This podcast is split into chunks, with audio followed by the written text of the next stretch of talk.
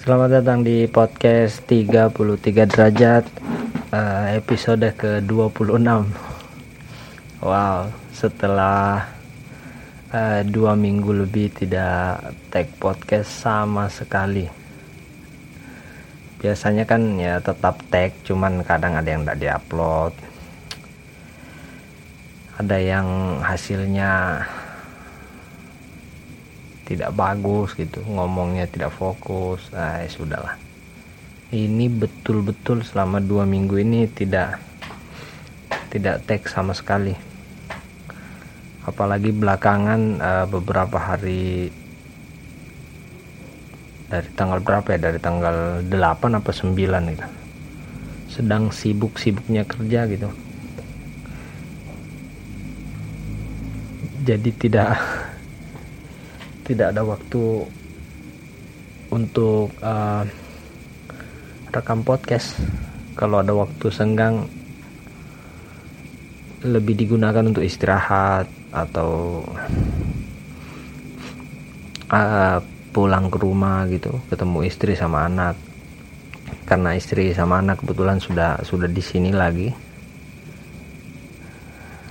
Lumayan lama loh saya tidak ketemu empat bulan kayaknya ada. Apa lebih gitu. Apalagi sama anak ya. Rindunya itu beda lah. Teman lama ndak ketemu itu uh, atau siapalah keluarga yang di luar anak lah lama tidak ketemu itu rindunya beda kan sama anak apalagi sekarang dia lagi apa aktif-aktifnya gitu. Aktif sekali gitu. Tenaga tidak habis-habis sepertinya.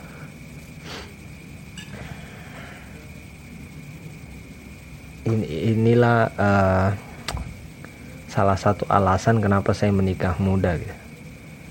Karena saya tidak mau nanti anakku lagi aktif-aktifnya saya sudah tidak bisa main sama dia karena mungkin umurnya sudah umur umur apa? Sudah terlalu tua. Sudah gampang capek gitu.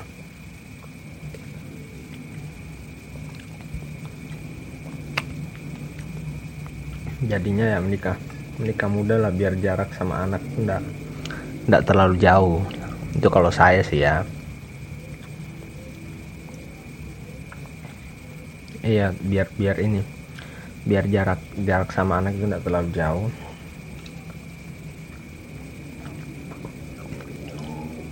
Karena saya tidak saya tidak mau jadi bapak yang yang kaku yang tegang gitu sama anak gitu. Saya mau jadi bapak yang ya slow slow slow slow saja lah. Selama dia tidak melanggar batasan batasannya kan. Bisa jadi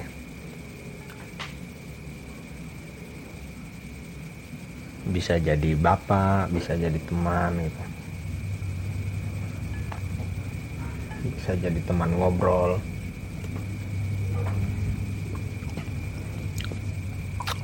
By the way ini direkam sambil makan kolak pisang. Inilah salah satu enaknya kalau istri sudah ada di sini segala macam. Ada di rumah nih dia masak kolak lah goreng pisang lah. Uh, kemarin dia bikin apa lagi ya? Kue dari ubi lah. Jadinya makan terus ini.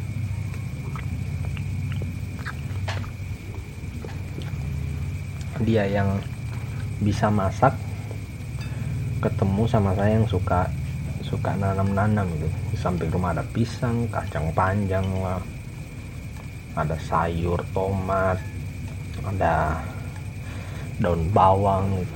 Itu masih mau saya tambah lagi. Jadinya beginilah. Itulah itu juga alasan kenapa saya cari istri yang bisa masak bukan yang jago ya. Yang penting bisa aja lah. Ya masak-masak yang sederhana kayak gini nih kayak kolak pisang gitu bikin kue-kue ya goreng pisang kue-kue rumahan. Gitu. karena kadang sesekali tuh pengen makan yang begini-begini kan meskipun saya tidak ngoyo sih soal makanan maksudnya harus ada ini harus ada itu ndak apa yang apa yang ada itu. Ya sudah itu saja. Adanya nasi ikan sayur itu saja. Nasi ikan tempe atau adanya cuma nasi sama ikan itu saja. Saya tidak pilih-pilih makanan gitu. Cuma kadang ya sesekali. Kalau ada makanan selingan seperti ini ya senang juga lah.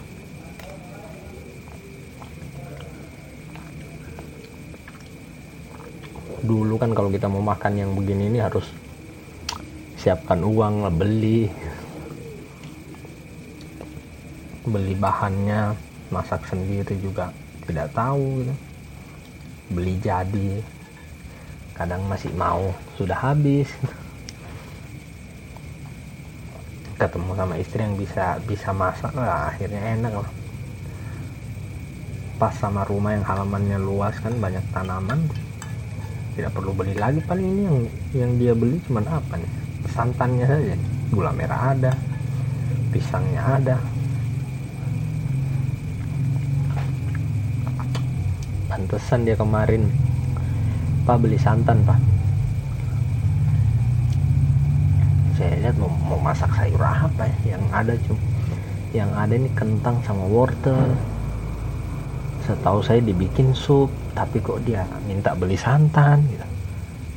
Ah, atau mungkin sayur baru mungkin yang yang saya tidak pernah lihat itu ya sudah saya beli. Nah, ternyata dia minta beli santan mau bikin kolak pisang.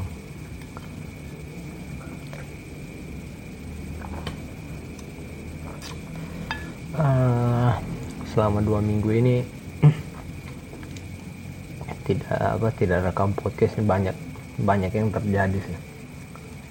Salah satunya tadi itu ya istri sama anak sudah datang. Uh, terus tadi saya barusan lihat apa namanya video ada itu orang-orang Malaysia saya tidak perhatikan namanya tadi. Dia itu ahli tulang lah mungkin bisa dibilang begitu. Orang yang tulangnya aduh tulangnya patah lah itu. E, apa namanya ini kan siku ya lengannya. Lengan itu kan cuma bisa dilipat ke atas kan nah kalau di podcast tidak bisa lihat apa namanya gerakan tangan bagaimana kalau kita mau pegang pundak mau pegang pundak kan itu otomatis lengan di, dilipat kan. Nah, ini kan tangan cuma bisa lipatannya ke atas nih ke bawah nggak bisa. Nah tadi ada anak kecil yang tangan itu sampai bisa bisa kelipat ke bawah gitu karena ada ada masalah di sendinya pokoknya ada ada tulang lah yang bergeser di situ sampai tangannya bisa di, dilipat ke bawah. Nah ini orang uh, mengobati tangan yang patahnya sampai begitu itu tidak sampai 10 menit. Tadinya tangan tangannya anak ini uh, untuk pegang pundaknya pun susah gitu. Kalau di dilipat ke atas ditekuk ke atas lengannya itu masih ant, jarak antara tangan dan pundaknya itu masih lima jari.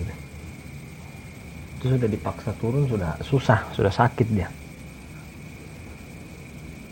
Dibawalah ke ini ke orang tadi ini orang Malaysia ini kan. Dia lihat uh, hasil ronsennya. Oh model tulangnya begini oh yang patah di sini udah. Sep kelihatannya seperti seperti cuma main-main gitu. Tulangnya dibunyi-bunyikan tak tak tak. Dilipat ke atas tak. Dilipat ke bawah lagi tak. Seperti seperti orang main-main gitu. Tapi tidak lama yang tadinya jarak antara tangan sama pundak itu cuma lima jari ini turun jadi tiga jari jadi dua jari tinggal satu jari yang tadinya tidak bisa sentuh e, kain baju yang di pundak jadi bisa sentuh hanya kurang lebih 10 menitan lah. Saya mes sendiri apa sok-sok bahasa Inggris saya kagum-kagum sendiri lihat. Kok bisa ya orangnya? Dia belajar di mana ya? Entah kenapa ya saya senang lihat. Senang saya lihat uh, orang lain membantu mengobati uh, orang senang sekali melihat orang yang membantu mengobati orang lain gitu. apalagi pengobatannya itu berhasil. Apa pun jenisnya. Saya tidak tidak bisa menjudge oh ini jelek ini bagus ini jelek ini bagus gitu. Apa pun jenis pengobatannya gitu. Dan pada saat itu berhasil gitu melihat raut wajah orang yang diobati keluarga. Atau gampangnya begini melihat wajah pasiennya gitu. Melihat wajah keluarga pasien yang sumringah gitu. Ada ada kebahagiaan tersendiri. Saya sampai berpikir kayaknya ya saya senang lihat orang orang bahagia gitu. Kayak misal inilah ajang pencarian bakat lah misal uh, The Voice gitu kan. Acara nyanyi. Saya suka dengar suara-suara yang indah yang unik gitu enak di telinga. Tapi saya nonton The Voice itu bukan cuma mau lihat itu. Saya suka lihat uh, cara beberapa juri mengomentari peserta yang tampil tapi yang saya lihat bukan cuman itu bukan cuman peserta sama jurinya. Lihat dua itu gitu yang nyanyi sama juri yang komentar komentarnya bagus. Saya senang itu tapi saya jauh lebih senang lihat ekspresi keluarganya. Kalau pesertanya ini lolos gitu. Ekspresi senang yang tulus ketawa yang tulus gitu bahagia yang tulus rasanya itu sampai sampai ke saya ya. Seolah-olah saya saya ada di situ. Seolah-olah saya bisa bukan seolah-olah memang mungkin ya saya saya bisa merasakan apa yang orang ini rasakan gitu semenyenangkan itu rasanya.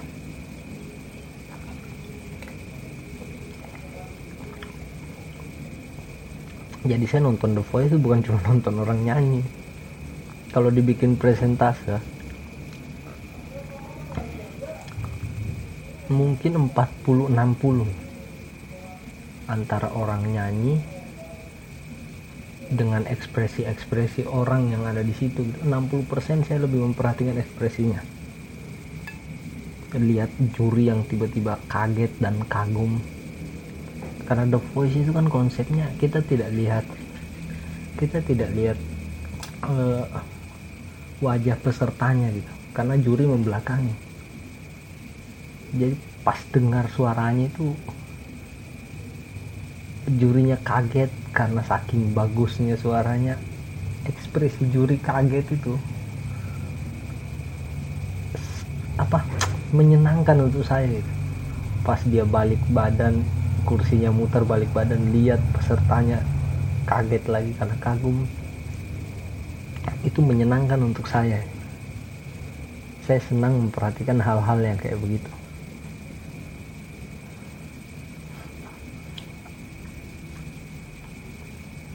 kenapa tadi bahasnya apa? Kenapa melebar melebar ke ke sini?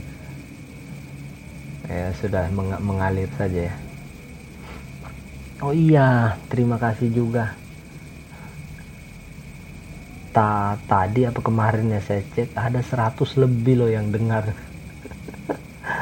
100 orang lebih yang dengar saya ngobrol sendiri tidak jelas 30 menit 40 menit. Ah, saya masih masih apa namanya? Uh, apa namanya sebutannya ah ini kepala juga lupa pokoknya terima, terima kasih lah yang sudah dengar lah. Semoga semoga ada yang bisa kalian ambil lah ya. Kalau dari dari setengah jam saya bicara ada ada satu atau dua menit yang bisa nyangkut gitu di di pikiran kalian yang yang bisa memberi memberi efek lah gitu.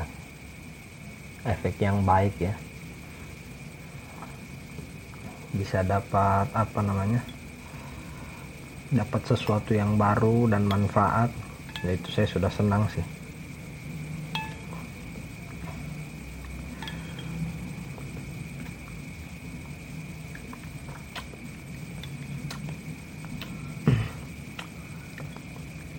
Meskipun sampai sampai hari ini sudah 25 episode sama ini 26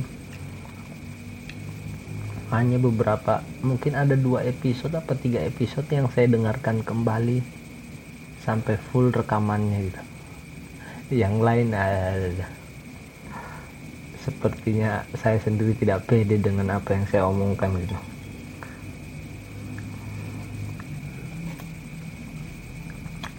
Seperti malu sendiri ayo kamu kamu ngomong apa gitu setengah jam. Sok-sok pintar tapi ya sudah lah ya. Rekam aja lah toh ndak. Tidak apa namanya. Saya saya tetap mau gitu mengupgrade pelan-pelan kualitas kualitas podcast ini entah dari audionya mungkin atau hal-hal yang dibicarakan di sini. Uh, atau apalah dari segi apanya lah. Pokoknya harus ada grow-nya lah. Ya satu persen dua persen per episode atau mungkin 0, sekian persen per episode grow-nya. Setidaknya harus ada grow gitu harus ada yang yang bertambah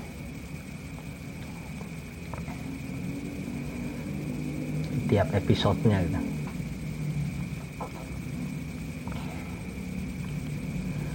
Ini ini uh, apa lagi ya? Sudah 17 menit. Saya mau loh usaha. Kadang mau sampai sejam gitu bicaranya sejam. Tapi tidak mampu saya. Isi kepala itu seperti habis. Apa lagi yang mau dibahas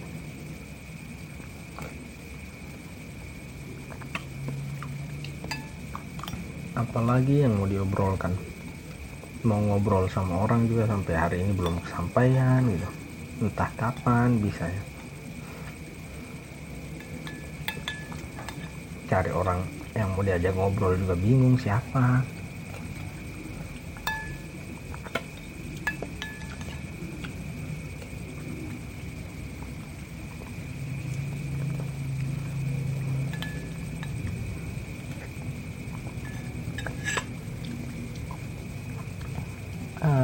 by the way kalian apa kabarnya? Masih sehat. Semoga lah ya masih sehat-sehat semua. Ini podcast sudah jalan 19 menit baru tanya kabar. Semoga masih sehat-sehat lah ya yang yang sakit bisa segera sembuh gitu. Dan apa namanya tidak tidak sembuh begitu saja. Maksudnya sembuh begitu saja itu penyakitnya tidak lewat begitu saja gitu. Ada ada hal yang bisa diambil lah dari sakitnya. Atau gampangnya apa namanya bisa mengambil hikmah lah dari sakitnya gitu. Karena kadang ya kadang kita itu harus dibanting dulu baru sadar gitu oh iya yang saya bikin tadi keliru gitu. harus jatuh dulu kadang saya sempat di, diingatkan sama teman gitu yuk jangan jangan menunggu kejadian yang tegur gitu. baru mau sadar oh iya ini keliru gitu. saya sih menganggap sakit itu kadang-kadang seperti itu. Ini ini ini ujian apa hukuman gitu. Nanti dari situ kita bisa belajar uh, masalah sebab sebab akibat juga. Ini penyebabnya apa? Kok bisa sakit? Kok bisa ada kejadian begini? Kok bisa jatuh? Bisa kesandung penyebabnya apa akibatnya apa bisa bikin kita lebih waspada uh, waspada ke depannya gitu. Sama lah kayak saya kerjakan. Dulu-dulu ada kejadian gitu oh kok bisa minus ya kok bisa selisih kok bisa ada kejadian begini oh ke depannya harus seperti ini. Lihat kejadian teman oh kalau dia oh ternyata ada uh, problem yang seperti itu uh, oh ternyata ada problem yang seperti itu. Oh caranya dia menyelesaikan seperti ini. Kalau misal problemnya ke saya terjadi di saya saya menyelesaikannya bagaimana ya? Nah kita jadi jadi apa? Jadi prepare gitu. Sebelum sebelum hal itu kejadian sama kita kita bisa mencegahnya. Atau kita sudah siap dengan solusinya gitu. Oh kalau nanti itu kejadian sama saya saya harus begini. Saya harus lakukan ini. Ya sama lah kayak sakit. Kok saya bisa sakit ya? Oh kemarin saya makan makan yang berminyak terlalu banyak berlebihan. Makan nasinya terlalu banyak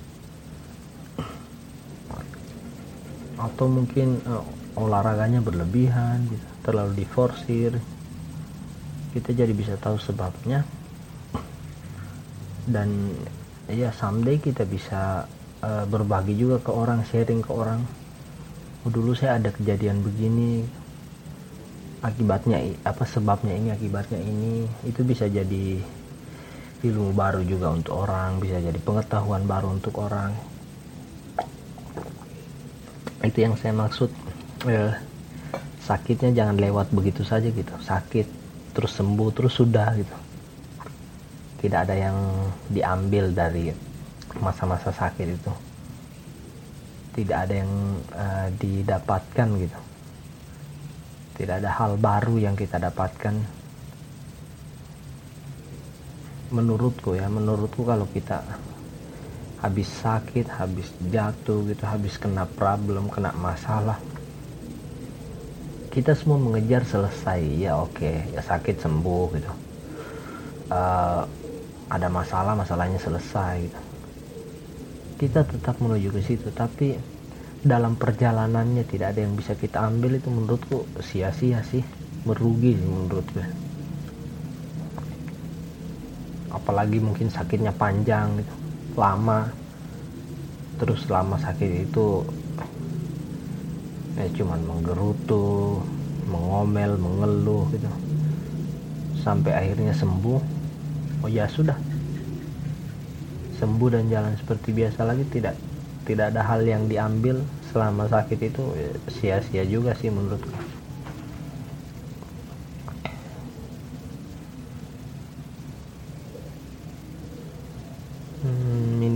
ada yang inilah ada yang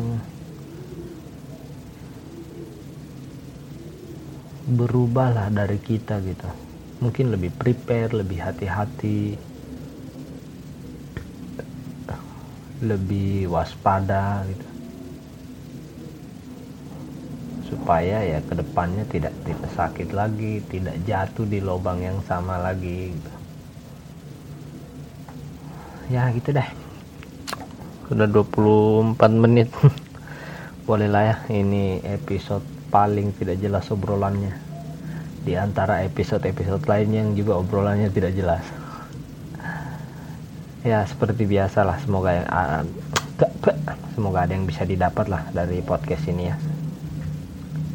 Sedikit banyaknya ya mau sedikit atau banyak semoga ada yang bisa didapat lah. Oke itu saja ya. Sampai jumpa di episode berikutnya. Dah